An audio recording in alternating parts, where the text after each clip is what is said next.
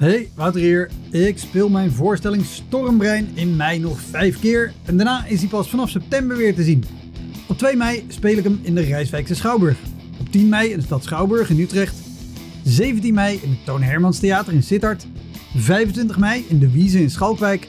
En 29 mei in het Stadstheater in Zoetermeer. Eind mei maak ik mijn nieuwe speellijst bekend, inclusief een te gekke show in de zomer.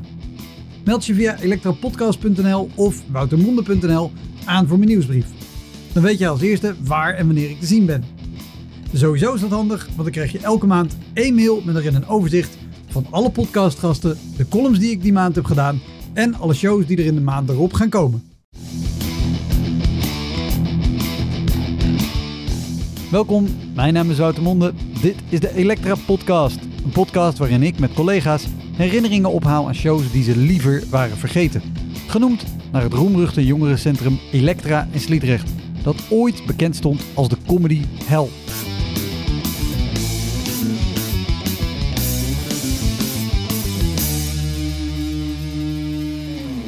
Deze aflevering zijn Jeroen Baart en Lieven Scherre te gast. Twee van de makers van Nerdland. Dus ik kom daarop. Ja, die Bashar al-Assad. Waarom gebruikt hij zoveel traangas? Iedereen is er al aan het huilen. Niks. Ik kon echt... En dan... Oh, Chirp, chirp. Samen met nog een paar anderen maken Jeroen en Lieven Nerdland. Een podcast vol wetenschaps- en technologienieuws waar inmiddels ook al festivals rondom worden georganiseerd. Naast hun fascinatie voor tech en wetenschap delen ze een liefde voor comedy en improv.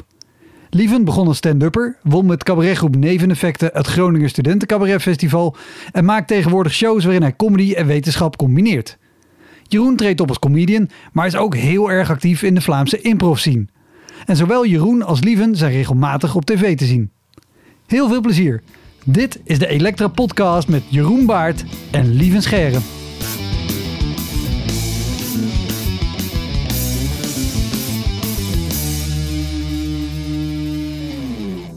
De echte pioniers die zitten nog voor mij. Dat is eind jaren 90 en ik ben begonnen in het jaar 2001. Ja. En dat was de, in de, ik, ik ben de eerste voor wie het vanzelf gegaan is, omdat er zoveel speelgelegenheid in mijn hoofd zijn de pioniers zo Nigel Williams en Raf Koppes. Eh, mijn- ja, Ja. Raf, Koppe, Raf Koppes sowieso. ehm, en ook eh, Stefan Poeken met de Lunatics. ehm, en en eh, Patrick de Witte, Oh ja. Ja, PDW, die, die, ehm, op leger, die legerdienst had aan de kust. En die vroeg of hij de nachtdienst mocht doen omdat als de wind goed zat, letterlijk de wind goed zat, dan kon je de BBC ontvangen aan de Belgische kust. En daar zat hij naar stand-up comedy te kijken. En zo, zo is de, de stand-up is letterlijk over de Noordzee gewaaid in het hoofd van Patrick de Witte. En dan is hij daarover beginnen schrijven in Humo. Ja. En dan heb je eigenlijk die golf gehad met ja, eh Kamagurka, eh Gunter Lamoot, ehm, eh,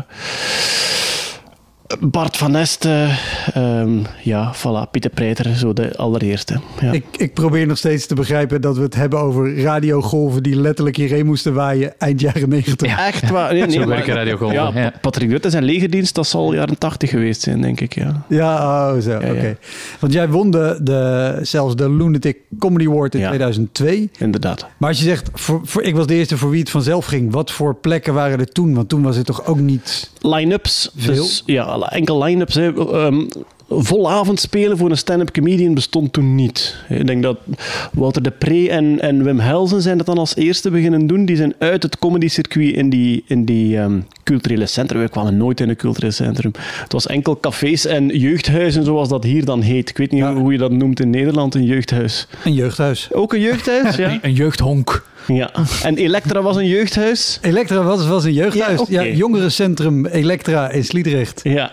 voilà. Eh, wat notoir was voor de ruige avonden, omdat het helemaal blauw stond van de rook. Ja. En de jongeren die er kwamen totaal niet geïnteresseerd waren in comedy. Want er was verder in Sliedrecht, het is een klein stadje, Ja. is niet zoveel te doen. Dus die kwamen gewoon daarheen ongeacht wat er was. En die zagen, oh het is comedy. Nou, dan praten we vanavond door comedy heen. Dat is, me- dat is meestal een goed teken als er vaste gasten zijn die gewoon Ja. inkom betalen omdat ze binnen willen komen. Ja, in principe wel. Maar dat het vaste gasten zijn, maakt ook dat het wel Jij bent op hun territorium. Ja, ja. Dus eigenlijk het, het weekprogramma, dat waren dingen... Op het weekprogramma stond geschreven waar je die avond doorheen praatte eigenlijk. Ja, ja. Op donderdag praten we door jazzmuziek heen. Op vrijdag door comedy. Ik heb ooit eens op een plek gestaan waar ze eh, twee podia hadden. En in de ene podium was het impro stand-up comedy. En op het andere podium speelden bandjes. Maar tijdens de impro stand-up comedy soundcheckten die bandjes. Ah ja. Dus als je, als je denkt dat voor een staand publiek er aan het drinken is en aan het babbelen comedy moeilijk is, als er dan nog een paar rodies tussen tsa, tsa, 1, 2 en zo'n drumfill ertussen, dat was echt van... Oeh. Dat ik na een tijd gewoon tegen iedereen die meedeed was, negeer de overkant. Gewoon, doe je moppen en we komen hier samen Maar door. was dit ook echt in dezelfde ruimte? Ja, het was effectief in dezelfde ruimte. Absoluut. Ja, ja, ja. Heerlijk.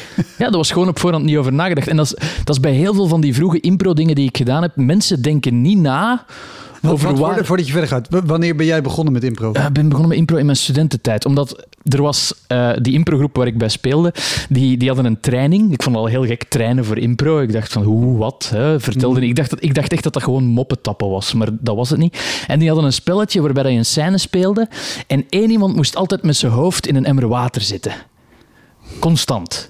Dat was het punt. En dan moest je altijd een, Hadden ze u dat niet gewoon nee, nee, nee. Omdat ze niet goed afkomen? en je moest altijd een uitvlucht verzinnen van... het is weer jouw beurt. Nee, nee, nee, nee.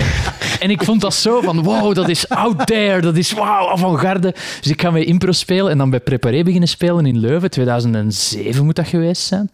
En dan, ja, je kon Preparé inhuren voor, voor 50 euro om ergens te staan. En die prijs was gewoon om op het einde van het jaar lekkere barbecue te doen. Maar de plekken waar dat wij stonden, was echt, er was... Heel vaak was het gewoon van, oh, we hebben nog budget over, wat kost er niks? hey, impro voor 50 euro. We hebben ooit op een, een dag tegen huishoudelijk geweld gestaan. in Brussel. Het podium een boksring. Omdat ze dachten van, ja, geweld, boksen. Het publiek volledig Franstalig. Oh, heerlijk. Dus in de gietende regen, buiten in de wind, eh, impro proberen te doen, terwijl er iemand naar jou staat te roepen, Français, s'il vous plaît. Och, Ik, 50 euro, goed verdiend. ja. Ik ben aan het denken, ik weet niet meer van wie het verhaal is, maar er is ooit een benefiet comedyavond geweest voor de Clinic Clowns in België. En ik denk, misschien was Thomas Smith, ofwel was Nigel zelf, ik weet het niet. Iemand, iemand heeft mij dat verhaal verteld, dat ze dus hadden gevraagd hey, Clinic Clowns past wel, Ja. komen jullie gratis comedy spelen? Nu, benefieten en gratis komen spelen is lastig, omdat je vaak in situaties terechtkomt waar mensen geen comedy gewoon zijn. En een café of een jeugdhuis waar ze het al een paar jaar doen, die weten wel van oké, dat het zaallicht moet uit en de, de, de, eh, de ingang mag niet naast het podium zijn, waar ze ook al meegemaakt hebben, dat ze in en uitlopen naast het podium. Benefieten altijd wat moeilijk. Goed. Dus ze gaan daar spelen en de benefiet start met eh, iemand van de Clowns die een woordje gaat zeggen. Die komt dus geschminkt en geclowned, slof, slof op het podium, maar dan wel... Dames en heren, we zijn heel blij dat wij toch weer een prachtig jaar gehad hebben eh, bij de Clinic Clowns en we kijken naar een filmpje. En er komt een Ja, ja, ja. emo-filmpje met slow-mo inzoom op zieke kindjes, die dan zo met een kaal hoofd liggen te glimlachen aan draadjes in een, eh, in, in een bed. Hele tearjerker muziek eronder en dan eh, terug de clinic clown die dan iets zegt van ziezo, dit waren enkele beelden van het voorbije jaar. Sommige van jullie zal het pijn doen dat enkele van onze patiënten Oh, nee. er niet meer kunnen zijn, maar wij zijn blij dat we ze ook in hun laatste weken mooie momenten hebben bezorgd. En dan nu komen die. en dan kom je op als stand-up comedian. Hey, hop, hoi. Hey, Hey, hey. Je opwarming dood kinderen zijn. Trek eens aan mijn Oh. vinger. Maar er er is... Ik, ik weet niet wat het is, want dit is echt universeel. Dat organisatoren van benefieten, en zeker als het iets met zieke kinderen is, die willen altijd graag van tevoren filmpjes. En het, het, het, het bizarre is ook, ik zit heel hard te denken, want Thomas en Nigel zijn allebei ook te gast geweest. En ik zit heel hard te denken, welke van de twee heeft dit verteld? En het, het kunnen ze even goed allebei zijn. Omdat het, Ja. Ik was ooit op een, een benefiet voor eh, de oorlog in Irak. Dus, dus voor de slachtoffers van de oorlog in Irak. Ja, niet, eh, ja. We kopen kernwapens voor Saddam. En de avond was als volgt geprogrammeerd. Eh, eerst een dame die gevlucht was uit Irak en die in heel veel detail eh, uitlegde hoe haar familie door Saddam eh, chemisch eh, was toegetakeld. Laatste slide, foto's van hoe dat haar familie er nu uitziet. Dus ja, gesmolten, gesmolten Irakees, ik kan het niet anders zeggen. En dan nu, impro-comedy. Ik heb een suggestie uit het publiek nodig. Heel, heel, heel moeilijke avond. Oh man. Maar ja, het is voor het goede doel. Hè. Ah ja. Ja. Ja. Maar ja, omstandigheden is toch... Mensen die nog nooit comedy georganiseerd hebben, en je kan het ze ook niet kwalijk nemen, wij, wij winden ons heel graag op in... Dat snap je nu toch, maar het is ook logisch dat, dat, dat, je, dat je het niet weet. Maar omstandigheden, ja, wat, wat was dat in die beginjaren? Ehm, eh, eh, eh, tent, grote eettent op klaarlichte dag. En Ah, ja. we dachten om tijdens het dessert comedy te doen. Jouw! Mensen rond Top tafels, dus mensen rond tafels waarvan dan de helft met de rug naar u zit. En dan, ja, begin dan maar. En dan probeer je zo in die eerste straal van vijf meter rond u iemand te hebben die kijkt. En al de rest die blijft gewoon verder doen. Dan mag je het niet beginnen benoemen wat dat, denk beginnende comedians en ik ook doen als er iets misloopt in de zaal van het heel meta beginnen gaan. Ja, ja. de mensen hier op de eerste rij die, hebben, die vonden het grappig. Zo, zo'n Ja, ja, soort ja. van... ja, maar dat is wel ook het dubbele. Aan de ene kant, je moet, je moet het niet meta maken, maar je kan het ook haast niet, Niet- niet, niet benoemen. benoemen. Tuurlijk, ja, ja. Ja, ja ik heb zeker in de beginjaren eh, heb ik van dat soort dingen vaak een goh betaalde tekstrepetitie gemaakt. Dat, dat je het gewoon echt aframmelt en dat je denkt van kijk, eh, ik heb mijn deeltje gedaan, eh, vinkje bij m- mijn taak en nu ben ik weg. En de eerste keer sta je daar geweldig bij te zweten en na een tijdje denk je van goh ja, ik rammel het wel gewoon af. Het probleem is, dan kan je het aframmelen en vertrekken. Bij heel veel van die dingen waar dat we met, begint met improgroep gingen spelen, bleven we daar ook nog voor.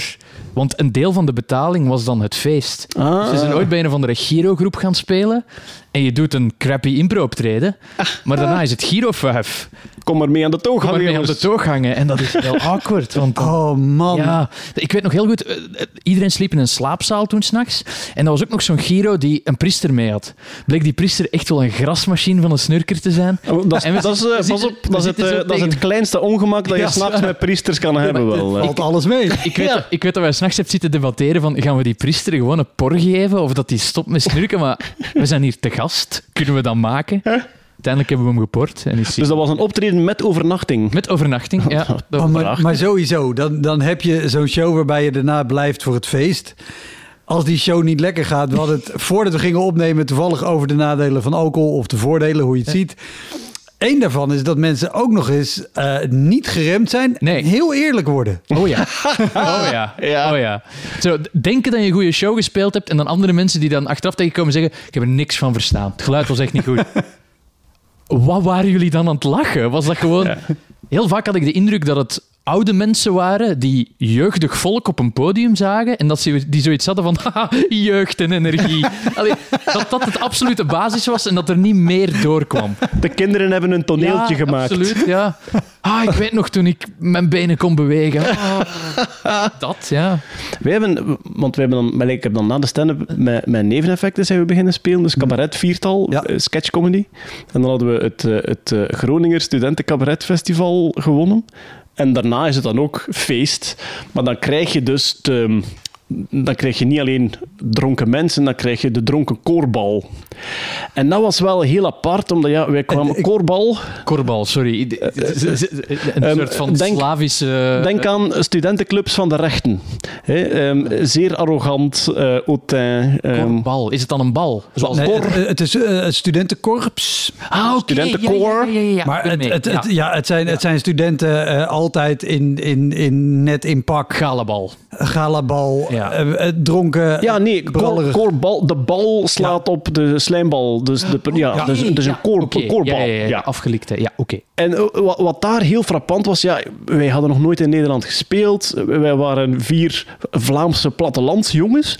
En wat ons daar geweldig opviel, je zit nog heel noordelijk in, Ne- in Nederland, was dat... ehm, dat type eh, student, hè, zo iets te opgekleed en te... ne, die slagen erin om, om jou te vertellen dat, dat ze het optreden goed vonden op een immens laatdunkende manier. dat vond ik, vond ik een wonder. Ik, ik, ik stond eraan te kijken en dacht van, uw, uw body language en wat je nu woordelijk tegen mij zegt, krijg ik niet gematcht. Dus je komt er naartoe en oh, dan heb je die, eh, ja, jij was, jij was die komiek, ja, vond leuk. Vond, le- vond leuk wat je deed. En dan draaien die zich terug om en dan walsen ze met een witte wijn. Ik vond het zo wonderlijk. Dat ik oh, vond, ja, je heb je, heb je goed gedaan. Ehm, en dan ontstond er zo ook een beetje een sfeertje van, ja, was leuk, eh, was leuk wat je deed. Blijven jullie nog eh, voor het feest? Ja. Zal ik je vrouw regelen? Vroeg die letterlijk. Ja. Kan je, ik kan je vrouw regelen. Het is maar oké, hier, hier wordt geregeld. Andere tijd. Ja, maar, joh, Ja, nou, nou moet ik er ook wel bij zeggen, de koorballen die je daar hebt gezien, sowieso. eh, eh, ik bedacht opeens de, de beste en dan weet je gelijk welk type het is. Eh, de- dezelfde types die betrokken waren bij de dood van Sanda, Ja, ja. Ja. Sanda Dia. Ja. Dat soort types. Oh ja, lintjes. Lintjes, Ja. lintjes aan. Ja. Ja. maar goed, eh, eh, zo in Gent, ik denk in Leuven ook, je hebt heel veel studentenclubs en op een of andere manier is het toch altijd die van de rechten Altijd. Altijd. waar het dan ook fout loopt. Hè? Ja, papa is advocaat. Ja. Kijk, ja, dus je kent ze. Ja, maar, in- maar in Groningen heb je, eh, ehm, eh, heet het Veritas? Ik weet niet zeker. Eh, in ieder geval, daar zit een van de meest notoire eh, verenigingen op dit gebied. Maar ook elk jaar bij de ontgroening aan het begin van het collegejaar zijn er weer incidenten, is er weer iemand. Daar hebben daar mensen het hele nieuws rondom Sanda gevolgd en, eh, en gedacht, oeh, Goed idee.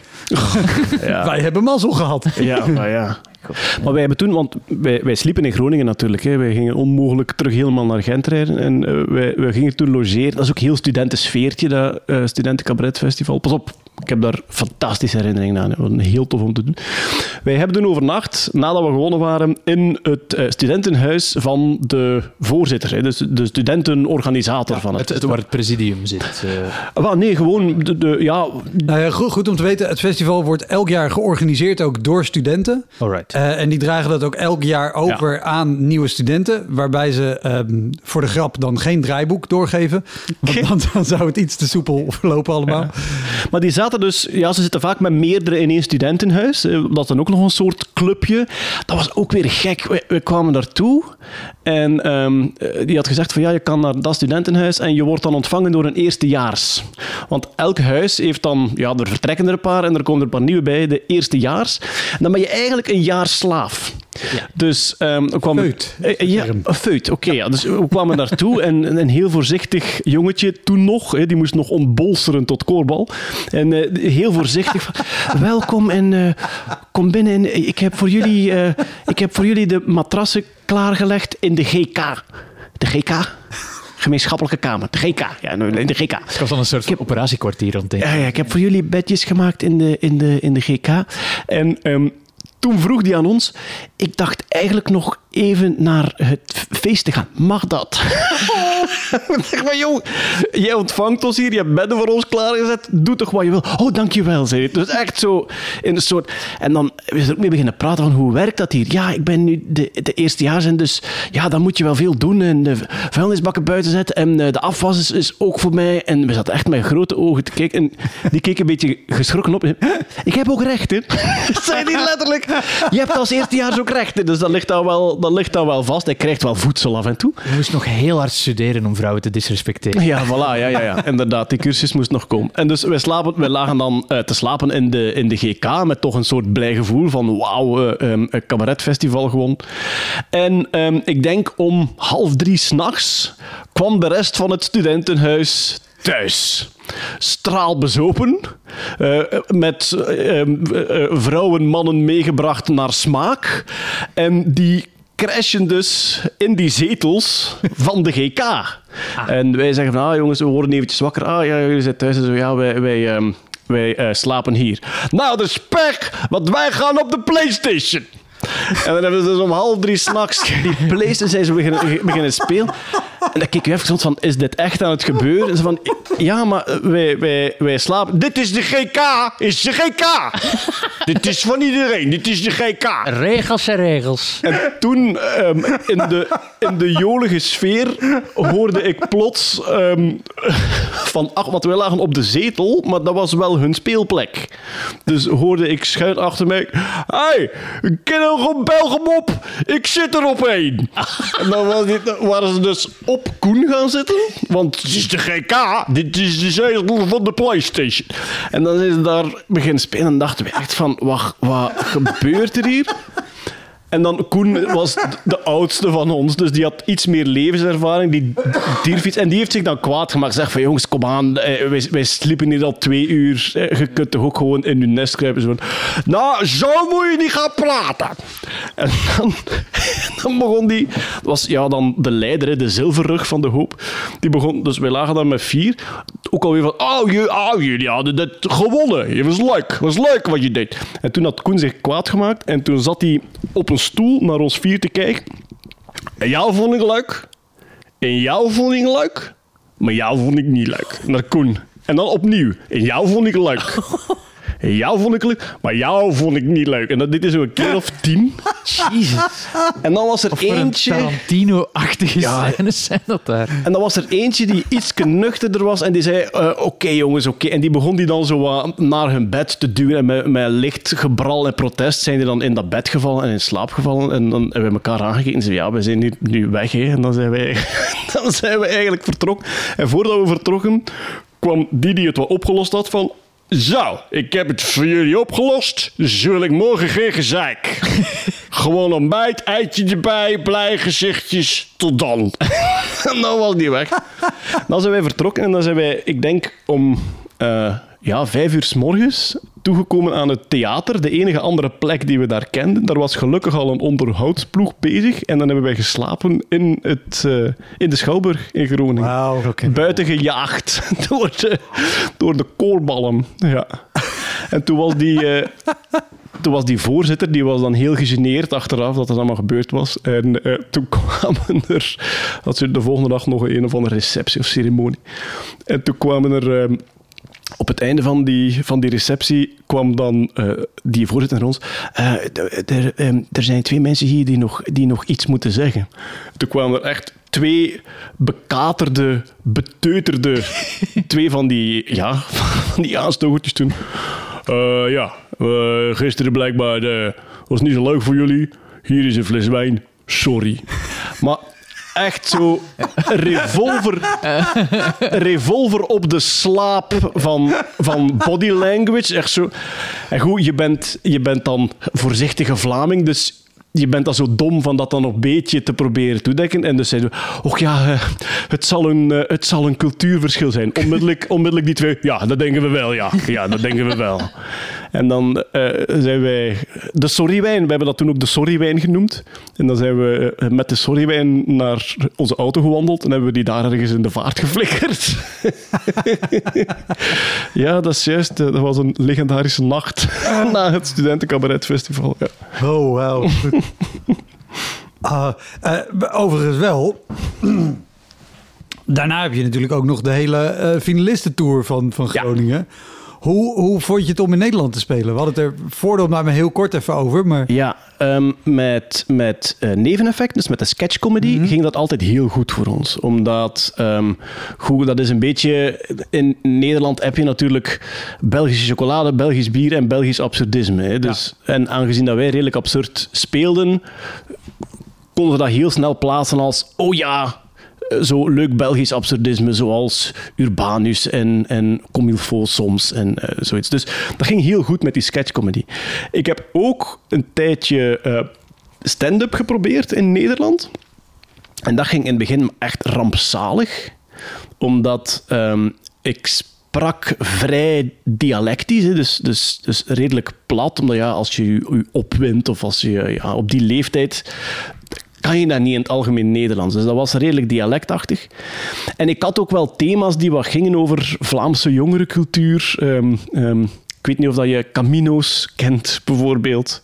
Camino's zijn zo kleine brommertjes. ja, En dat was in de jaren negentig was er een soort jongerencultuur van ja, Johnny's op Camino's eigenlijk. Hè. Dat was zo een, een typisch brommertje voor een bepaald type die dan op, Ja. Die jonge gast. opfokken en zo geheime knoppen. Gileraatjes het- ja. waren het. Ja, inderdaad. En dat, dat, die waren dan ook bezig met, met de housemuziek en zo, maar dan met de slechte housemuziek. Enfin, ja, zwart.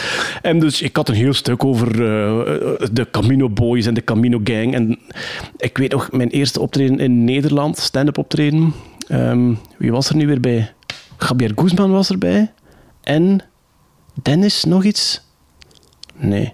Dennis van Sant. Nee, met zijn naam kwijt. Nee, het is geen Dennis. Zo blond haar, zat ook in die klik met Frans Roel. eh, bij Frans Roel Bookings was dat toen. Hè? Javier Guzman had je Oh, daar. Te denken wie erin. Iemand met blond haar en een bril. Heeft ook voor Kopspijkers geschreven Jasper toen. Valstar? Nee, was ook, eh, heeft ook geschreven voor Claudia de Breij toen die dat eerste tv-programma had. Dat ze, dat ze presenteerde. een Nederlander met blond haar voor te stellen en ik heb alleen Wilders. Nou ja, dit, dit, dit is de comedy explosion geweest Ja. in die periode. Maar ik Ja, zou ben- die tijd ook niet weten... ja, ben zijn naam kwijt. Maar goed, we gingen daar, we gingen daar eh, optreden en ik stond gewoon in een line-up. Misschien? Nee, ook niet. Ik stond gewoon in een line-up, dus ik denk dat ik, dat ik als tweede stond. Hè, dus eerst een beetje opwarmen, zorgen dat die Belg niet begint. Maar ik weet nog hoe exotisch het voor mij voelde. Opgegroeid in Wachtenbeke, plattelandsdorp. Gent was eigenlijk al echt aanpassen voor mij. En opeens sta je daar dan zo in, in een, een Amsterdamse randstad met, met een, een, een, jeugdig publiek, maar waar je eigenlijk geen connectie mee hebt. Want alles wat geen Mitjeslands dialect sprak en eh legerbottinen aan had en een lange zwarte jas, dat was mijn wereld niet. En ik stond daar vrij dialectisch te spelen en die stonden echt, die waren echt naar mij aan het kijken van wat, wat gebeurt hier. Dus er kwam echt nul reactie. Toen heb ik ook ontdekt dat bijvoorbeeld, ik had een grap over, eh, over de hond van Pavlov en het Pavlov-effect. En dat zit in Vlaanderen zit dat in de middelbare school, in het leerplan, waardoor iedereen weet wat het Pavlov-effect is. En ik maakte een grap over het Pavlov-effect en er was complete stilte, omdat dat in Nederland niet in de middelbare school zit. Dus heel weinig mensen wisten waarover het ging. En die zijn geconditioneerd om na een grap niet te... ja, voilà. En ik sta daar die set te spelen, dus ja, met, met, met lang haar tot halverwege mijn rug, met zo wat krul, zo uitgedost in een soort plattelands-Vlaamse jongerencultuur, waar zij ook allemaal van dachten van, komt die uit een museum of is die met een teletijdmachine naar hier geflitst? En toen ben ik alleen maar sneller beginnen spelen, wat het nog erger maakte. Ja. En toen zaten er eh, eh, vooraan zaten er zo drie, eh, laten we zeggen, streetwise jonge kerels. Echt naar mij te staren van, wat is dit? En opeens riep er een, ga weg hippie.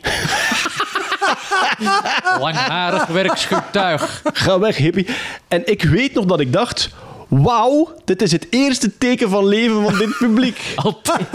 En dus zei ik, oh, hoe bedoel je precies? Ik dacht van, oké, hier kunnen we iets Ja, mee. ja. Oh, hoe bedoel je precies? Maar toen bleek, ja, die deed zich wel streetwise voor, maar die waren ook nog maar 16, 17 jaar. Dus die kromp in ene, want die aangesproken werd door iemand op het podium, waardoor eh, zijn twee kameraden met hem begonnen lachen, omdat hij aangesproken werd. En toen ging het helemaal in de soep. En toen eh, kwam de MC tussen en zei, dankjewel, lieve Scherre. En dus ik ga af en eh, die mensen zo, en waarschijnlijk waren ze aan het klappen omdat hij mij weggestuurd had. En toen zei de MC, stop maar met klappen of hij komt terug. En ik bedenk opeens, ik vermoed dat het Wilco Terwijn is geweest. Dat was hem, inderdaad, Wilco En Terwijn. daar dacht ik niet direct aan, omdat hij tegenwoordig geen haar meer heeft. Ah, dus blond haar triggerde niks bij mij. Ja, ja, het was Wilco Terwijn inderdaad. Ik was, de MC. MC ook al eens voor gehad. Zo eh, standaard eh, MC, vijf minuten grappen en dan vijf minuten het publiek een beetje leren kennen. Ja. En vaak is dat sleuren, want eh, je spreekt iemand aan, wat doe je voor werk? Oh, ik zit in IT, bla bla bla. Ja. De standaard grap is dan altijd van, ah, wat doe je voor werk? Ja, ik doe dat. Ah ja, kanker zal iemand anders wel oplossen dan. Of, allee. Ja. En dat was een vrouw en die, die was heel terughoudend. Dus ik van, oh ja, ik ben, ik ben kuisvrouw. En ik denk van, oké, interessant, we gaan verder. En na vijf minuten trekken en sleuren vroeg ik dan uiteindelijk van, en waar heb je dan het laatst gekuist? Oh, het paleis. Wacht, je, hebt, je kuist bij de koning? dit, dit is waar dat je... Ja, ja, ja.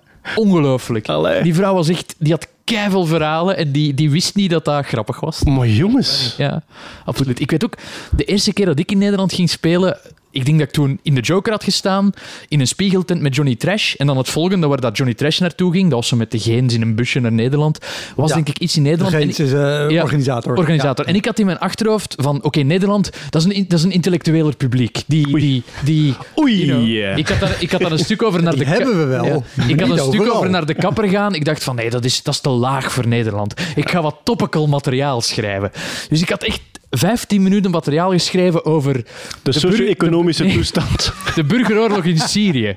Dus ik kom daarop. Ja, die Bashar al-Assad. Waarom gebruikt hij zoveel traangas? Iedereen is er al aan het huilen. Niks. Ik kon echt... En dan... Chirp, oh, chirp, chirp. en de rest van mijn materiaal zegt van ja... Ja, die rebellen, die rukken ook alleen maar op. ja, gewoon eh, heel slechte masturbatiemoppen. En dat publiek was echt zo krekels. En ik dacht echt van, heb ik dat nu zo verkeerd ingeschat? Dit is toch topical? Dit is toch wat jullie willen? En dan daarna was het Johnny Trash. Je weet wel, I know, Ja. Bicky, Bicky dingen zitten dat. En daar gingen die keihard in mee. Ja. En ik dacht echt van, hoe heb ik dit verkeerd ingeschat? Hoe is dit gebeurd? Ja, dat, dat heb ik heel vroeg... Als ik begon met, met stand-up, heb ik dat heel vroeg eigenlijk vaak gehad. Zo het publiek niet kunnen lezen. Ja, en ook het publiek onderschatten. Dat is, dat is super arrogant om te doen, maar Ja. je publiek onderschatten is heel erg. Wel, maar goed, ik zat dan... eh, Ik, ik studeerde dan en dan, dan zit je zo toch... Bij, bij Monty Python merk je dat ook. Die hebben ook zo echt van die, van die sketchen die dan gaan... De, de wedstrijd tussen filosofen. Dat is heel, heel erg studentenhumor. Hè, van wij zijn bezig met deze thema's en we gaan er nu witty over doen. En ik had ook wel veel van dat soort dingen in mijn stand-up zitten. En goed, je ziet dan ook inderdaad de, de, de volksere humor, eh, eh, zal ik maar zeggen, die, die het dan ook wel goed doet. En op die leeftijd kan je dat allemaal nog slechter... En ik had dat toch hard. Kan je nog slechter relativeren. En een avond waar, eh, waar ik compleet... plat ging, dus waar, waar ik echt totaal niks kreeg van lach. En daarna komt er een met pipi-kaka-versjes en het café gaat dicht, daar was ik echt slecht van. Terwijl, ja, Ik dacht dat is ook, van, dat ja, is ook logisch. dat is gemakkelijk. En dan altijd stemt in je hoofd, ja, doe het dan ook, hè, Jeroen. Ja, nee. Ja, wel, maar in, in het begin heb ik mij daar heel hard in, in, in opgewonden. En wat, dat, wat dat ook super arrogant overkomt natuurlijk. Maar na een tijdje weet je gewoon van oké, elke humor heeft zijn publiek. En het komt er vooral op neer om zo snel mogelijk je juiste publiek te vinden. En omgekeerd, hoe rapper ze weten wat jij doet, Ja, hoe gemakkelijker het wordt natuurlijk. dat is de beste tip die Fokke mij ooit gegeven heeft. Als je het podium opkomt, het publiek heeft direct een beeld van u. Ik heb een bril, ik praat over nerdy dingen. Ik moet niet staan zeggen hoe ik het voorbije weekend vijf vrouwen in hun kont geneukt heb. Want dat mensen... Maar hier kan het wel, Jeroen. Ja, hier kan... It's, a, it's a safe Ik space. geloof best dat jij een hele realistische game hebt waar dat, waar dat in kan.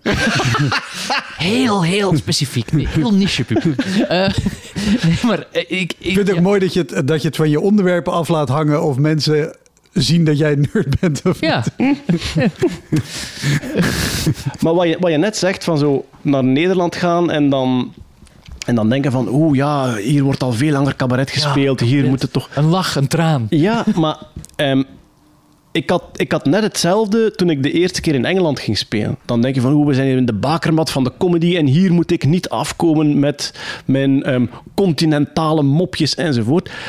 Blijkt dus niet zo te zijn. Hè. En ik merk dat aan heel veel eh, eh, Vlaamse comedians. Heel veel Vlaamse comedians zijn bang van Engeland. En die denken, ja, daar kan je niet beginnen, want die, die jouwen je van het podium en gelijk wat. Ik vind eigenlijk, het is het is gemakkelijker spelen in Engeland dan, Denk je dan dat- in Vlaanderen en Nederland. Omdat je een deel een curiositeit bent, iets nieuw, iets, iets vers van het continent. Nee, want ehm, eh, eh, mensen van het continent zijn geen curiositeit in Londen. Hè. Dus dat, dat, dat heb je sowieso al. En Je kan, je kan het voordeel hebben van eh, iets wat exotisch zijn. Dus dat je zei met Ja. neveneffecten dat mensen al snel denken... oh ja, Ja, ja. dat is ook Vlaams, dat kennen we. Dus dat, Ja. dat vinden we al bij voorbaat leuker. Ja, maar ook allee, als, ik dan die, die Britse comedians daar zie spelen en die andere buitenlandse comedies die daar spelen, ja, als ik daar rondkijk en van Nederlandse stand-up ken ik te weinig, maar van de Vlaamse stand-up, ik kan er toch direct 15, 20 opnoemen die echt vlot mee kunnen in dat, in dat Engels circuit. Dat heeft bij ons zo een mythische status, omdat wij alleen maar, eh, omdat wij alleen maar de, de toppers zien natuurlijk. Hè. Die die wij hier zien zijn Eddie Izzard en, en Darrow Breen. en, laatste, voilà. ja. en natuurlijk, als, als, als dat het enige is wat naar hier komt, dan denk je van, ah, dat is het niveau daar, dat gaat niet lukken. Maar de barcomedy en is daar ook een beetje zoals hier. Ehm, soms is clever, soms is redelijk gemakkelijk.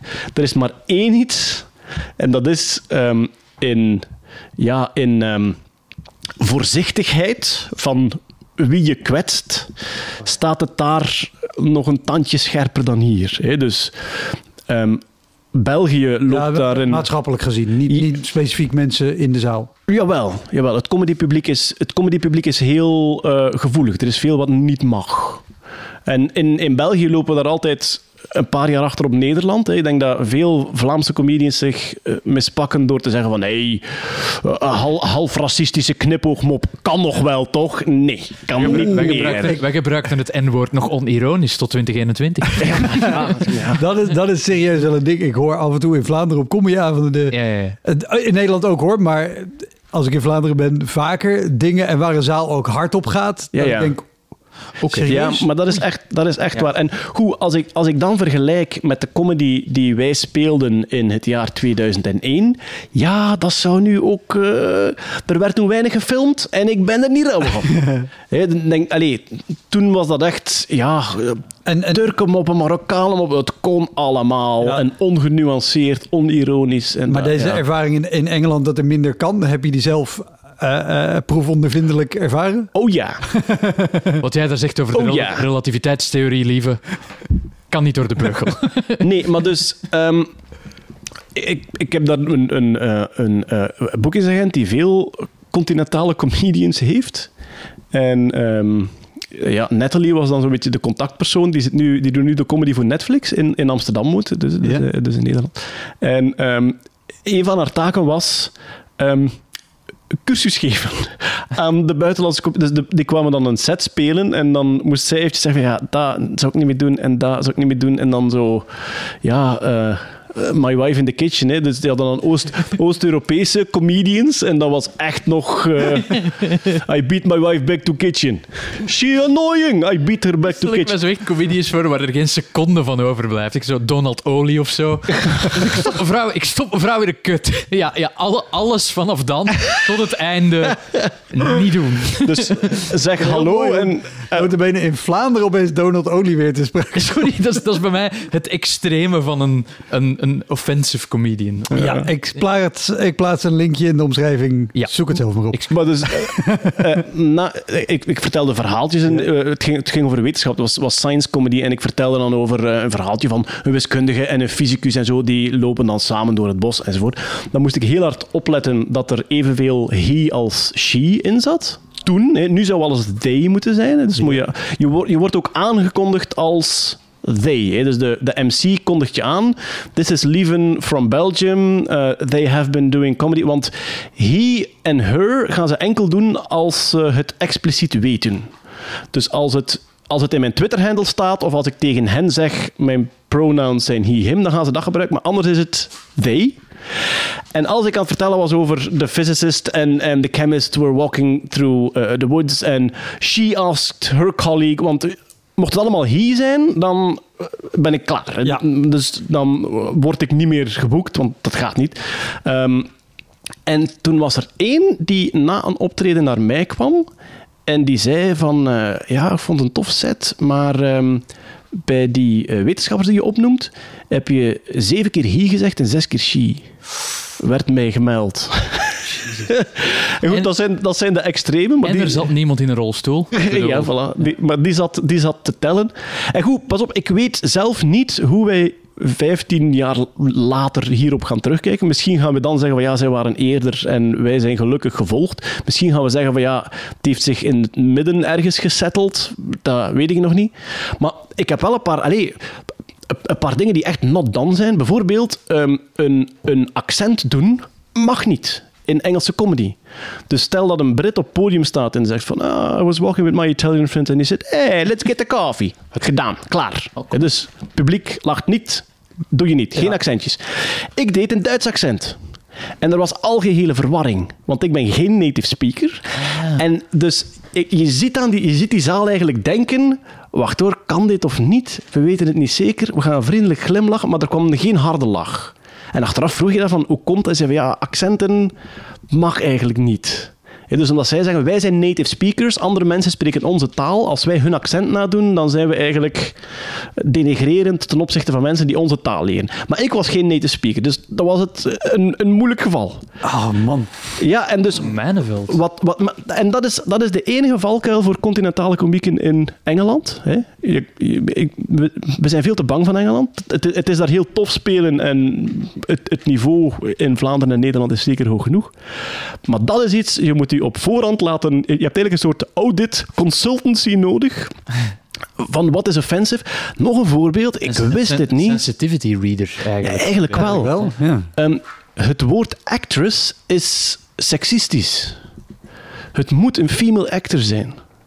En Voor, voor de luisteraars, er zitten nu Wat- twee mannen tegenover je echt heel vragend te kijken. ja, ja, oké, maar, Dat moet je uitleggen. Maar taal en semantiek werkt... Ja, nee. ehm, het, het feit, er is dan ooit beslist, en goed, ja, misschien mis ik iets, dat wil ik absoluut openen, maar er is dan ooit beslist dat het feit dat je een vrouwelijk en een mannelijk woord hebt, dat dat seksistisch is omdat je het opdeelt. En omdat een actress dan iets anders is dan een actor. Dus werd er gezegd, vanaf nu is alles actor en zeg je een female actor.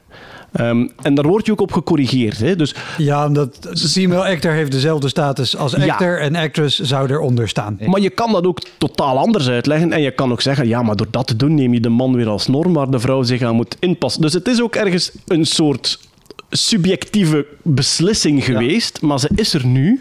En dus ook met andere woorden. Dus, alle, de, dus de woorden die vervrouwelijken, dat mag je dan eigenlijk niet meer doen. En als, als buitenlandse comedian weet je dat gewoon niet, kan je dat ook niet weten. En ze hebben daar wel geduld mee, maar het weegt enorm op de publieksreactie, omdat ze zich ze zitten eigenlijk te rekenen in hun hoofd van kunnen we het hem kwalijk nemen of niet? En eigenlijk niet. ook nog te tellen hoe vaak je Hoe vaak je he en, he en she zegt. En goed, ik ben, ik ben niet van, de, ik ben niet van de, de grumpy old man school van we mogen niks meer en alles Nee, gaat oh, kapot enzovoort. Prima om het, om het evenwichtiger te benaderen, maar het Ja. wordt heel lastig spelen. Ja, omdat je niet op de hoogte bent, omdat je niet mee bent. Ja. En dus net zoals Vlamingen soms niet mee zijn als ze in Nederland gaan spelen, omdat wij ook met dat soort taalgebruik echt maar letterlijk twee, drie jaar achterlopen in, in gevoeligheden.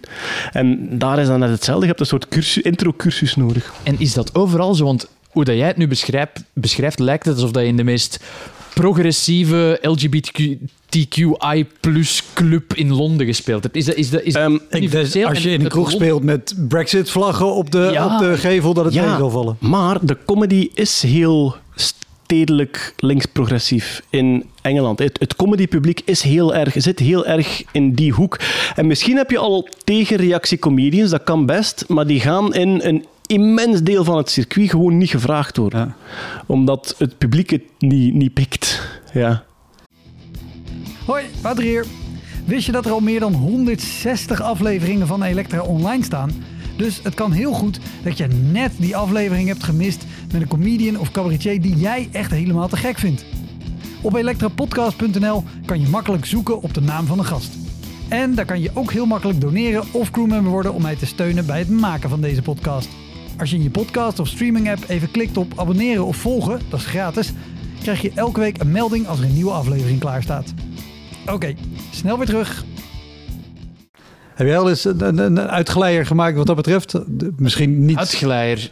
Ja. nou ja, niet, Eh, niet zozeer misschien per se in op. een soort van woke-achtige... eh, Nou, niet, niet per se woke-achtig. Maar je kan natuurlijk hebben dat je, zeker in impro kan ik me voorstellen, als je gewoon exact. on the ja, spot iets moet ja. zeggen, dat je een onderwerp of een ding aansnijdt waarvan de hele zaal denkt, Nee. Bij impro, bij, impro, bij impro vond ik het heel moeilijk, omdat impro, je hebt vijf minuten, tien minuten als het goed gaat om een scène neer te zetten. En dat, dat valt heel vaak op stereotypen omdat je heel snel een personage moet neerzetten. En dan is het vaak heel gemakkelijk om een gay personage heeft een slap handje, een hoog stemmetje en Ja. ja. strakke... Ik bedoel, dat, een Italiaan zet je het snelste neer door er zo te praten. Inderdaad. En ik had het vaak moeilijk mee. Ergens vond ik dat heel onschuldig, omdat dat is shorthand. Daar heel veel comedy, heel veel sitcoms werken ook met een soort van shorthand voor oké, jullie weten, het is dat karakter, nu kunnen we er interessante dingen mee gaan doen. Ik, ik zag dat altijd als een soort van oké, ik heb het aan het publiek duidelijk gemaakt wat voor iemand dit is. Ik heb niet de tijd om in een tijdspanne van 45 minuten subtiel over te brengen hoe genuanceerd hij staat tegenover seks en relaties.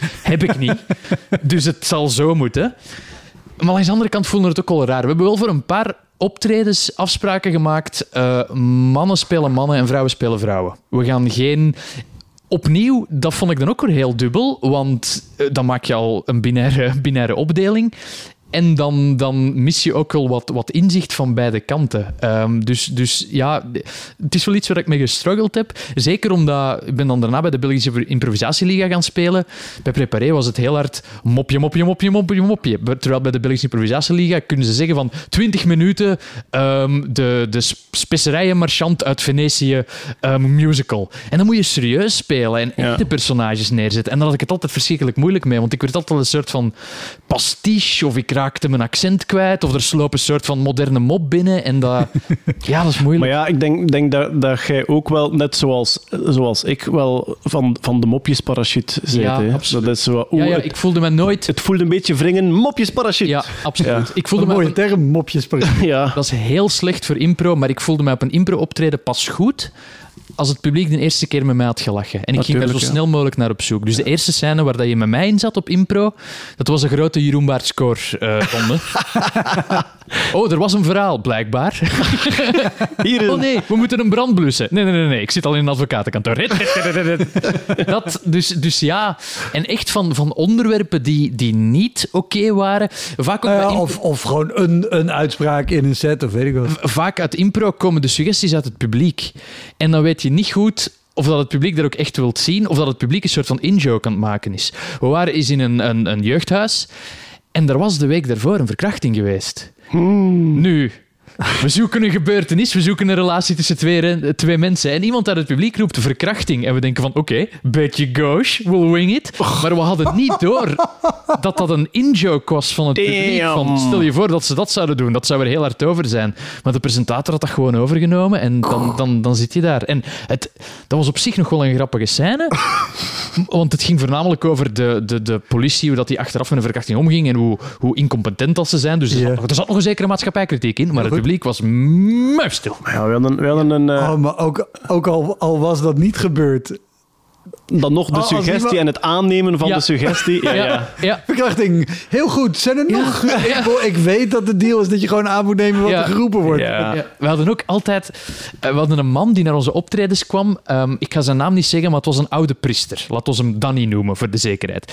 En Danny was, denk ik, weduwnaar, was op leeftijd. ehm, droeg altijd eh, zijn priesteroutfit ook, dus de witte boord, met een houten kruis dat heel hard tegen zijn nek was aangespannen. En Danny riep altijd de goorste dingen. Zat ook altijd op de eerste rij, kwam ook altijd alleen. Dus ja, een activiteit alsjeblieft. En ik zie die zo echt recht staan en roepen... Afzuigen! En dan terug gaan zitten. Man. Dus na een tijd had ik een scriptje gemaakt dat over de ticketlijst ging en die op de website, op het interne deel, een soort van rood lampje deed branden als Danny ging komen. Dat de presentator wist, niks aanpakken van wat dat die man zegt. Die kon echt gaan rechtstaan en zeggen, dildo! Die had gewoon Tourette Ja, en die kwam daarom naar een comedy. Ja. Dus ja, zeker ook als, als, als MC of als bij dingen, het selecteren van wat dat er uit een publiek komt. Als je een emotie vraagt, geil is geen emotie. Sorry jongens, geil is geen emotie. Eh, dus ja, dat selecteren, ik denk dat ik daar zeker ook ooit fouten bij gemaakt heb. Ja. We hadden toen ook een, eh, helemaal in het begin, dus echt zo jaar 2001, 2002, hadden we één ehm, eh, eh, homo stand-up comedian die daar ook zijn set van maakte. En die, die ja, zo wat hetero-bashing en, en ze kunnen niet dansen en zo, dat soort dingen. Maar dat was, allee, dat was echt wel, dat was wel funny. Ehm, dat was toen ook nog nieuw. zo twintig jaar geleden. Ehm, maar eh, die had ook halverwege, die ging, die ging ook optreden in een gayclub op een bepaald moment. Natuurlijk hilarisch, hè. die herkenden alles, die vonden dat fantastisch. Die tent ging door het dak. En halverwege zijn optreden deed hij alsof hij heel hard moest hoesten. En deed hij zo alsof hij een slijm ophoest. En zei, ah sorry, dat zijn mijn aidsremmers. In die gayclub, Wauw. dodelijke stilte. En die dacht, fuck, hier is waarschijnlijk onlangs iemand overleden. Of zo. Ja, Damn! En ook, die heeft één optreden gehad dat hij eh, aan het spelen was en dat er zo in een hoek een paar heel kwaad naar hem zaten kijken. En die dacht van, ja, ik weet niet juist wat het is. Alleen, die, dat was iemand die je... Gaat die niet rap op uw gaydar? Hè? Dat, dat, ja, je zag dat, maar ja, gaat zo niet echt iets van, oké. En achteraf Cowboyhoed, paard. ja. Mag je niet. glitterbotten. Ehm, op een bepaald, dus in een hoek zitten er echt zo'n paar heel kwaad naar hem te kijken. En achteraf, na het optreden, gaat hij naartoe en eh, vraagt hij van... ehm, ja, eh, het was, allee, het was duidelijk... Allee, je vond het duidelijk niet goed. En hij zei van... Goh, de grappen wel waren oké, wel waren oké, maar... ehm, wel, wel, waar, nee. De grappen waren wel oké, maar ehm, ik vind dat eigenlijk niet kunnen dat jullie mij ontslag. Dus die dachten... Wauw. Dus die dachten, dit is een heteroman die nu een homotype komt spelen en daar de boel zit uit te barsten. En daarom waren die echt zo van, dit kan gewoon echt niet. En die zei, nee, nee, nee, ik ben ook van de familie. En dan was het allemaal goed. Ik ben wel, ik ben wel ooit met Johnny Trash ergens geweest. En Johnny Trash, zijn, zijn materiaal materiaal is meestal heel volks. Om, om, omschrijf, wij kennen Johnny, Ah. Trash, Omschrijf ja, ja. even. Een soort van urbanisch figuur, een cowboy. En hij maakt eh, liedjes over hoe het niet mag van zijn vriendin. En over hoe dat hij broccoli haat. En dat is heel, heel leuk, heel jolig. Maar we zaten eens een avond in de McDonald's met de Gens, waar ook comedy gedaan werd. Op de plek waar het frituurvet van het plafond druipt. Ah, de- Eh, ja, ja, de, de, de derde verdieping van de, derde McDonald's in verdieping van de McDonald's Topavond. En dan had Johnny Trash had nieuwe nummers nodig. Die dus had aan het publiek een topic gevraagd waarover hij die avond een nummer zou schrijven. Uiteraard roept dat publiek necrofilie, want haha, je wilt de comedian klonen. En we hebben dan toen backstage een liedje geschreven genaamd Mooie meisjes, dode meisjes, over hoe Johnny Trash s'nachts met een spade naar het... Naar het, naar, damn. naar het naar, dus heel donker, maar op die avond grappig. Want het, is, het publiek is mee in de dinges. Het was om het grofst. Nu, Johnny heeft dat liedje daarna meegenomen naar zijn normale optredens. Oh, damn. Waar dat je op een tuinfeest staat en de, ki- de, kind- de kindjes vrolijk aan het meedansen zijn. De plechtige communie. het mag niet van mijn vriendin en, en Bicky Cheese en al zijn materiaal. En dan en als bisnummertje nog een liedje dat ik geschreven heb in de McDonald's vorige week. Mooie meisjes, dode meisjes. En je zag dat publiek zo meewiegen met de melodie, want Johnny Trash is, is een, een begaafd me- melodieschrijver. Maar dan begon die tekst door te sijpelen. En dan zag je ze zo langzaam maar zeker stilvallen. En... Oh nee. Oh nee, zingt hij dat nou echt? Heel fijn. Sterker nog, eh, ik heb een aflevering ook met Johnny gedaan. De titel van die aflevering is Mooie meisjes zijn dode meisjes. Ja, ja. Omdat Johnny in die aflevering vertelt over de keer dat hij moest optreden in een gevangenis en dit nummer ook heeft Oh gespeeld. nee. Oh nee. Oh, damn! Herkenning! Ja. We hebben wel een paar jaar geleden met de... Allee, ik met de andere neveneffecten, want jij kon die dag niet, dus ik was lieve Scherre van den Aldi. Oké. Zijn we gaan optreden in een gevangenis, waarbij dat de gevangenen intern, die hadden een soort van tv-zender, Jail TV.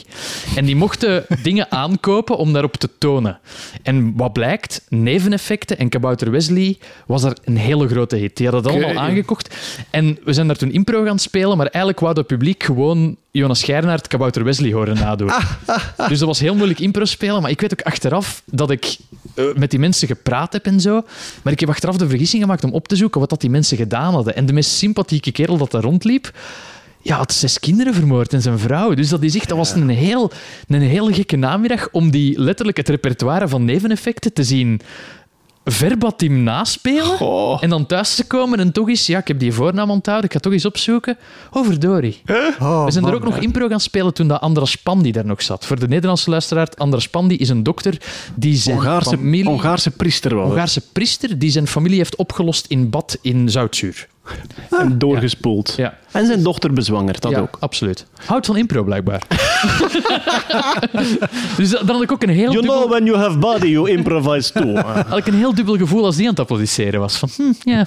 ja. Ja, ja, de gevangenis. Ik weet dat er veel comedyavonden waren in de gevangenis. Ik ben er zelf nooit, eh, Leuke, leuke nooit avonden wel. eh. Ja, als- ik denk dat... bewust niet gedaan Pub- of gewoon publiek- nooit nee. zo van gekomen? Nee, kan geen publiek vertrekken tijdens de pauze. Maar naar het schijnt komen er ook een paar in de zaal zitten, gewoon omdat, omdat ze anders Ja. op de cel moeten blijven. En dan, Ja, maar de meeste plekken, want ik heb het al vier, vijf keer gedaan of zo, hebben mensen zich wel op voorhand moeten inschrijven ervoor. Ah, ja. Duidelijk een optionele activiteit, dan niet de hele, weet ik veel, Bulgaarse maffia op de eerste rij zit met u, u zit aan te kijken. Allee, Ja. dat, eh, nee. Ja, ja. Nee, ik, ik, heb, ik heb er twee gedaan, allebei in Vlaanderen. Toen was de voornaamste reden om ja te zeggen over moedigheid en, en de belofte van de factuur achteraf. ja. Die, ah, Ja. Nu zou ik zeggen, nee, op alle, allerlei punten gaan we dat niet doen. Overmoed is de benzine van de jonge comedian. Ja, maar, maar dat is eh, hetzelfde als dat je voor bedrijfsdingen ook in het begin zal zeggen... oh ja, voor zoveel, oh ja, dat gaan we doen. En een half uur op maat, geen enkel probleem. Oeh, maar op maat, dat is ook... Maar als het, gaat, als het gaat over... Want daar zijn we mee begonnen ook. Hè, als het gaat over ehm, ehm, mensen die graag comedy willen boeken, maar die de omstandigheden totaal niet kennen, zijn bedrijven wel absoluut nummer Ja. één. Het gekke is daar dat in tegenstelling tot de, de benefiet hebben die immens veel centen. Dus die willen... Ik weet niet of dat bij jullie ook is, maar die vragen dan een voorbereidende vergadering. Of misschien twee of drie. ja, ja, dat zijn vier Zoom-calls verder en ze hebben Ja, ja. geen idee. Wat, ik ga heel vaak presenteren een avond ook en je hebt twee bedrijven. Bedrijven waarbij dat de avond eigenlijk al volledig vast ligt en je het gewoon aan elkaar moet praten. En bedrijven die je drie uur voordat je op moet, zo een hoop stukken van verschillende puzzels in je handen gooien en zeggen Ja, ja. van, doe er iets mee. En dan een tombola daar even tussen. Als, Ja, je, ziet, tussen, ja. als je ziet dat de mensen genoeg gegeten hebben, doe dan even de tombola en dan zien we wel. Hè. Ja. Maar het mag wel los, mag wel los zijn. Hè. ja, ik ik heb één keer, één keer een, een bedrijf, die waren verzekeringsmaatschappij, die daar vooral bezig waren met de slachtoffers van de terroristische aanslag in Zaventem. Oké. En die wilden een avond met materiaal over verzekeringen. En ik heb er lang over getwijfeld, maar ik dacht van, ik kan echt geen... Ja, En je kan ook niet uitwijken en zeggen, nou, over verzekering is een beetje saai, maar dat doen we gewoon over de mensen waar jullie het... Ja, dat echt moeilijk. Maar heb, je, Ja. heb je hem gedaan uiteindelijk? Nee, ik heb hem niet gedaan. Ah, Oké. Maar ik weet wel dat ik een paar jaar geleden aan u gevraagd heb over van die evenementen van zou jij dat doen? En dat jij me toen gezegd hebt van ja, maar als je zo'n evenement doet, moet je in het achterhoofd houden. Je bent er aan het doen en het is niet wat dat je super graag doet, maar dat is het geld dat je kunt gebruiken om dingen te doen die minder goed betalen, die je wel heel graag doet. En dat is Ja. zo het mantra dat ik nu bovenhaal van ja, oké, dit, is niet, dit is niet geweldig, maar het Nu, ik, heb, goed. ja. ik heb ergens, ehm, ergens een, een, een beetje een, een eh, aparte positie daarin, omdat ja, ik praat over wetenschap en technologie, waardoor dat ik vaak gevraagd word door technologische bedrijven.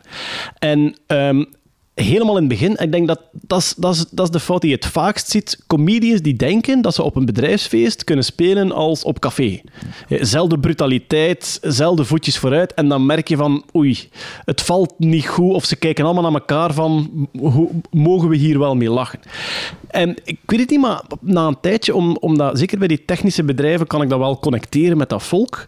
Ik heb nu een eigen, een, een andere speelstijl op bedrijfsevenementen en ik doe het eigenlijk graag. Ik ben waarschijnlijk een van de weinigen in Vlaanderen. kino? Ik, Wat is jouw, jouw ergste bedrijfskick die je ooit gedaan hebt? Goh, ja, maar echt ook zo eh, de, de situatie niet, niet kennen. En ook mijn, mijn, mijn comedy was nogal eh, eh, grof en vuil gepakt en voetjes vooruit. En dan de eerste keer dat je daar staat, in de namiddag, eh, tussen twee ja, echte lezingen. En het is, het is vooral de manier waarop het podium gebruikt wordt. Hè. Heel die dag wordt dat podium vrij formeel gebruikt en mensen eh, staan in een hoek van het podium en wijzen naar slides links. En jij komt dan op als 19-jarige met lang haar en een soort gescheurde broek. En ehm, je grijpt die micro, dat statief gaat naar het midden, micro ervan af, handje los op het statief van hey, hoe is het met iedereen? Oh, Hey, hey, vindt iedereen het leuk? En dan zit hij te kijken. hm. En dan ook echt met mes en vork in de hand. Hè? Dan zo een beetje starend boven die gestoomde zalm. Zo starend naar het gekke sujet op het podium. En dan inderdaad beginnen aan die, aan die grofgebekte comedy set. En dan zo wat beleefd gelach hier en daar. Misschien een, een paar, een paar IT'ers met vettig haar die heel hard lachen omdat ze het tof vinden dat er eens ergens tegen geschopt wordt. En voor de rest ook... Maar de, die Niks. technische achtergrond en die wetenschappelijke achtergrond, die, ik, ik, ik heb me vroeger altijd verkocht als de lieve scheire van den Aldi. Omdat effectief, er waren plekken... Wist jij dat? Ja, dat, dat, Ja, ja, zo dat hebben we elkaar ontmoet, we elkaar ontmoet, ja. ja, ja. En dat was effectief plekken waar dat ze naar uw boekingskantoor gebeld hadden, waar dat jij te duur voor gebleken was. En dan voor een verschillende grote orders van de prijs minder, mij. En, maar die technische achtergrond, die hielp heel hard, omdat vaak heb je mensen in de zaal die daar ehm, heel hard bezig zijn met IT of heel hard bezig zijn met fysica. En als je dan een mopje kunt maken, al is het maar in passing, al is het maar tijdens dat je aan het presenteren bent, waaruit dat je duidelijk maakt van I'm one of you guys, Ja, ja, heb je direct die hele zaal mee. Al is het maar... Ik weet dat ik onlangs ergens een mop gemaakt heb over JavaScript is terrorisme of zoiets. Ik weet het niet. Een mop die nergens anders zou werken. Tuurlijk. Ja. Maar daar was dat echt bijna een staande ovatie van ja, godverdomme. Maar ja, maar dat soort, dat soort herkenning. En ik heb ook geluk gehad dat ehm, ja, die, die wetenschappelijke bedrijven die mij begonnen vragen, dat begonnen echt bedrijven te worden waar ik gewoon heel graag naartoe wou. Hè. Ik heb ooit voor, voor eh Solvay, heb ik zo, niet de Solvay-conferentie zelf, Nee, nee, oké. maar zo de, de driedaagse keynote die, eh, in, van intern van Solvay heb ik En, en wat voor bedrijf is dat? Solvay is een, is een groot chemisch bedrijf. Ja, is eh, begonnen in, ehm, in, in België, in Brussel, is nu internationaal. Eh, chemisch bedrijf. Die ook de jaarlijkse Solvay-conferentie organiseren. Dus waar, waar ze dan de topfysici samen eh, naar Brussel halen om over één onderwerp te zitten. En vroeger Ja. zat Einstein erbij en Planck zat erbij enzovoort. Maar dan heb ik gewoon alles aan elkaar gepraat. En dat vind ik heel tof om te doen. Als, als ik niet zozeer zelf een stuk heb, maar als ik presenteer, dagvoorzitter heet dat bij jullie, denk ik. Ja, dus als ik alles aan en afkondig, dat vind ik heel tof, omdat dan kan je eigenlijk gewoon luisteren naar heel de uitleg. En daar een paar dingen van Ja, terugnemen. Je moet En- er geen, geen voorbereiding voor doen. Dat hou ik, daar, daar hou ik van, want ik ben heel lui. Dan kan je daar naartoe gaan. En zelfs als je, zelfs als je maar drie of vier mopjes kan maken on the spot die betrekking hebben op wat dan net iemand ervoor gezegd heeft, hebben ze al zoiets van wow, dat, dat was Dat is al indrukwekkend. magie. Ja, ja, ja. Eigenlijk is dat de samenvatting van bedrijfsevents is, ze hebben heel veel geld, Ja. de lat ligt heel laag, je mocht je alleen niet vergissen van speelstijl. Dat is, Ja. En iedereen vergist zich van speelstijl de eerste keer. En ja, e- etend publiek die er eigenlijk niet voor komen en dan ehm grof gebekte... En langs de andere kant is een bedrijfshand ook gauw gevuld, denk ik. Omdat heel vaak van die events, die zijn gewoon van elk jaar een super saai event hebben. Met Ja, geen tuurlijk. gerijntje humor. En als je daar dan nog maar een klein beetje opsprankelt, hebben die al zoiets van, oh, dat was veel beter dan de saai Ja, sterker nog, ik, ik ken iemand en die kreeg zo vaak de vraag dat mensen zeiden: Ja, we hebben een heel saai evenement, kunnen jullie het wat opleuken? Dat hij op een gegeven moment is gaan zeggen: Maar waarom heb je dan een saai evenement? En die bemoeit zich dus nu veel meer met de organisatie Ah, van het ja, evenement. ja. Tuurlijk. Om dat leuker te maken dan een half uurtje het op te leuken. Dan kan je beter zorgen dat de dag eh, beter is. Dat heeft Bas, Bas Birker eh, en eh, ja, ik presenteerde meestal en Bas Birker was de coach. We hebben heel veel van die science slam-achtige dingen gegaan, waar dat Ja, er ja. acht PhD-studenten komen die Ja. gewoon zijn van in een lab te zitten, die dan hun onderzoek, dat heel specifiek is, vaak zo'n genre van eh, het gebruik van het woord misschien in 17e-eeuwse Spaanse literatuur, echt gorddroge shit. Maar ik vind dat heel leuk om te zien hoe dat die mensen dan leren om zelfs van de gorddroge shit iets leuk en entertainend te maken. Ja, Dat is, ja. eh, ik Ja. weet niet of dat Bas dat nog altijd doet. Maar... Maar dat is die, die, die science comedy die trouwens enorm aan het boomen is in, in Engeland ook. Je hebt The Bright Club is een, een comedyclub enkel voor wetenschapscomedy. Wauw. En die wisselen, dus dat is, elke week hebben ze daar een comedyavond. En dat is eh, een mix van eh, onderzoekers zelf die stand-up proberen over een onderzoek en ervaren comedians die een wetenschappelijk onderwerp brengen. En die mixen ze door elkaar. En ook daar heb je een zodanig in-crowd gevoel hè, dat, dat dat publiek ook enorm in, wat er gebeurt. Dus die, die science comedy begint wel... eh, leuk, ja. ja, ze ze beginnen te leren, enfin, we beginnen te leren van het niet meer gorddroog te presenteren, maar wel met een, met een knipoog. Ja. Met een, ja. Absoluut. En dat je soms shortcuts maakt om iets wetenschappelijk uit te leggen, zonder dat je denkt dat die zaal vol professoren zitten of specialisten die zeggen van wel, eigenlijk, de encryptiesleutel moet 512 bits zijn om die. Nee, daar gaat het niet om. De bomma moet naar buiten gaan met het idee dat priemgetallen ergens te maken hebben met de beveiliging van het internet. Ze moet niet buiten gaan met de volledige thesis in haar hoofd. Dat, dat, Klopt. Ja, ja, ja. ja, daar beginnen we ook van af te raken, dat het allemaal... Ja, want jullie hebben eh, nu eh, de afrondend eh, volgens mij allebei een stijl en, en een uitgangspositie dat je gewoon de dingen doet die leuk zijn en waar je je lekker bij voelt. Weet je, weet je een, een show uit het begin waar je, waar je nu op terug kan kijken en denken, oh wat, wat, een, wat een zegen dat ik nooit meer naar die plek of naar zo'n type show of die regio mag ook.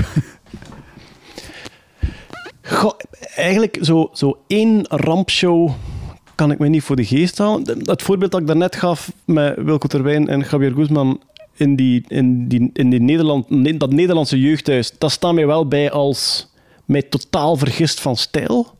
En ik denk eigenlijk dat alle, alle optredens die echt slecht gingen, waren meestal dat. Zo not reading the room, niet snappen hoe je daar speelt. Wat ik, wat ik wel, omdat ik, toen, toen, je, toen ik de, de podcast een paar afleveringen begon te luisteren, hoorde ik dan over het legendarische eh, Elektra. en ik heb me wel zitten afvragen, hebben we een, hebben we een Belgisch Elektra? Ah, En ehm, Eh, ik, ik, ik weet er één die in de buurt komt, maar die is denk ik van na jouw tijd. oké. Eh, Café Far West in Loenhout Ah, nee. is degene die het dichtst in de buurt komt. Eh, maar die, dat was echt een, een stand-up show. Volgens mij boekten ze dan steeds twee comedians op een avond die een half uur deden. Dus ik vermoed dat jij er niet geweest bent. misschien als MC. Ik wil het niet zeggen. Misschien als MC. Ja. Het, het, het, is, het is een legendarische avond geweest, onder andere met Seppe Toremans. Het was namelijk helemaal in country en western stijl. Eh, en er hing een heel groot schilderij recht naast het podium van een, van een soort indianenvrouw. Oké. Ehm, wat, wat ze niet op voorhand zeiden, was dat, dat de overleden moeder van de uitbaatster Oh, was. nee. Die jarenlang in de kroeg had gewerkt en die iedereen kende en die echt een moederfiguur was Ouchie. voor het hele café. En Seppe heeft dat schilderij vakkundig afstaan fakkelen. Oh! Heeft hij het schilderij geswaffeld? Verbaal ja. Oh, Maar er, is, er is één legendarische zaal uit onze stand-up tijd, Ja. dus eh, early 2000s. Ehm, alleen niet, echt e- Elektra-stijl van als je daar kwam werd het een ramp. Maar eh Hof de Roelichem in Herzelen is een comedycafé en dan mag je aan al mijn, eh, al mijn mede-stand-uppers van toen, eh, eh, Bart van Esten, Gutter Wouter de Pre, Nigel zal dat zeker ook wel kennen. Hof de Roelichem was een café, dat was toen eh, ja, begin van de stand-up in Vlaanderen. En je had een paar kleine boekingskantoren en die gingen gewoon... Eigenlijk, stand-up werd verkocht in Vlaanderen met... ehm, je moet geen PA huren. Hè? Dus cafés gaven af en, toe, ja, af en toe moet er nog iets doen zijn. We zetten een muziekgroepje. En dus eh, wij hadden toen, ja... ehm Philippe En, en de PA is, is het geluidssysteem. ja, het geluidssysteem. Philippe Sales die ging echt gewoon van café naar café en zei van ja, jullie doen hier af en toe muziek. Ik heb iets nieuws, dat is stand-up comedy. En je hebt heel die geluidsinstallatie nodig en die soundcheck niet. Gewoon één microfoon, dat is alles. Dan dachten ze van oké, dat is al boeiend. En toen zeiden ze, en er komen er drie op een avond. Dus als je een genre niet tof vindt, geen probleem, duurt maar een kwartier en dan is het iets nieuws. En zo heeft hij in heel veel jeugdhuizen en cafés comedy verkocht. Onder andere ook in Hof de Roelichem. En daar kom je altijd toe. En Hof de Roelichem werd uitgebaat door De Roele. Roel. En die zag er een beetje uit als ehm, eh, Otto in The Simpsons, die ze met de schoolbus rijdt. Ja. Dat, dat, type, dat type jongeman, ook lang, lang krullen. En die zat ook meestal eh joints te roken achter zijn toog. Oh, hoe was het? Ja, waar, hoe comedy, hoe comedy spelen? En soms kwam je daartoe en soms was er vijf man. Dat gebeurde af en toe. Oh ja, ja ik, had, eh, ik heb mijn affiche te laten. Alles was grappig, ook bij Roel. En op een bepaald moment komen we toe. Ja, we, gaan, eh, we gaan comedy in het zaaltje doen. Want hij was een café open voor het gewoon publiek. En het zaaltje, dat was dan echt een soort klein betonnen bunkertje. Waar misschien net 40 man ingepropt kon worden. En dat stond vol met decorstukken van de lokale toneelvereniging.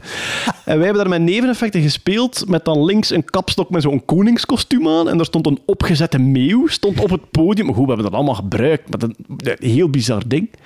En ehm, twee eh, momentjes die ik nooit zal vergeten bij Hof de Roelichem is... ehm, ik rij met Henk, met Henk Rijkaard naar daar en ja, met nog een comedie. En we komen toe in een leeg café. En Roele zit een joy te rollen achter zijn toog. Wij steken de deur op en die kijkt op en die zegt... Ho, gasten, is het comedy vanavond? Wow, ik heb me geschreven in mijn agenda. Wacht, wacht. Ik ga wat maten bellen. En die is dan echt... Oh. Dan heeft hij echt rond wel... Ja, ja, kun je komen? En dan ook- waarschijnlijk iemand die zo half verveeld een avond thuis tv wat kijkt. Oké, dan, dan kom ik comedy zien. Dat was ook een heel absurde situatie. En het exacte tegenovergestelde hebben we ook meegemaakt. We komen toe in Hof de Roelichem en er is kermis in Herzelen. Dus heel dat plein en die straat staat echt vol met een soort ja, carnaval in Brabant. Zo dat soort toestanden. Heel veel bier, dronken volk, geroep naar elkaar, botsauto's, schietkraam. 20 verschillende luidsprekers die allemaal Voilà. andere muziek spelen. Inderdaad. Ja. En ehm, hoe wij komen het café binnen. En het café is heel, heel rumoerig en ja, vol. En we gaan dan backstage. En dan, ja, we gaan dan beginnen. En wij komen op het podium. En ehm, voordat we opkomen, zegt Roel van... Ja, er komt wat weinig volk naar de comedy soms. Dus ik zou graag hebben dat de mensen het wel leren kennen. Daarom is het vandaag zonder inkomen en staan de deuren open. Oh. En dat is wel eentje, dan hebben wij daar staan optreden met dus een open deur, waardoor de kermis binnen en buiten golfde in het café.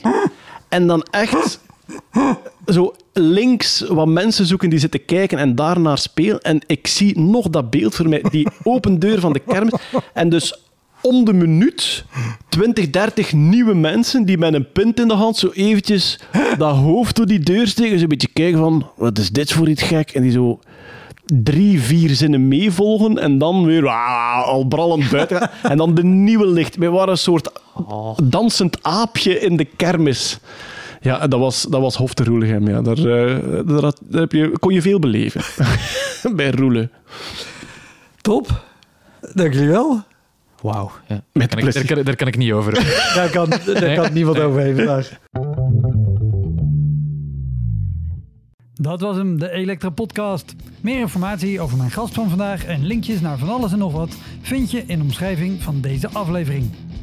Er staan ongelooflijk veel afleveringen online van Elektra. En op elektrapodcast.nl kan je makkelijk zoeken op de naam van jouw favoriete comedians en cabaretiers.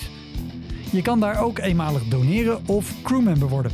Als crewmember betaal je maandelijks een klein bedrag, maar dan krijg je ook nog eens bonusmateriaal. Je luistert voortaan zonder onderbrekingen en je krijgt consumptiebonnen die je kan inleveren bij een show van mij. Ik vind het sowieso te gek als je een keer komt kijken bij mij. Dus ga naar woutermonde.nl, daar zie je precies waar en wanneer ik optreed. Of meld je aan voor de nieuwsbrief, dan hou ik je op die manier op de hoogte. En dan nog iets, elke vrijdagmorgen doe ik een column op radiostation Kink. Je kan die column terugluisteren als podcast. Hij heet Kink op de Week en je vindt hem in de app waar je ook deze podcast luistert. Oké, tot de volgende Elektra. Hoi!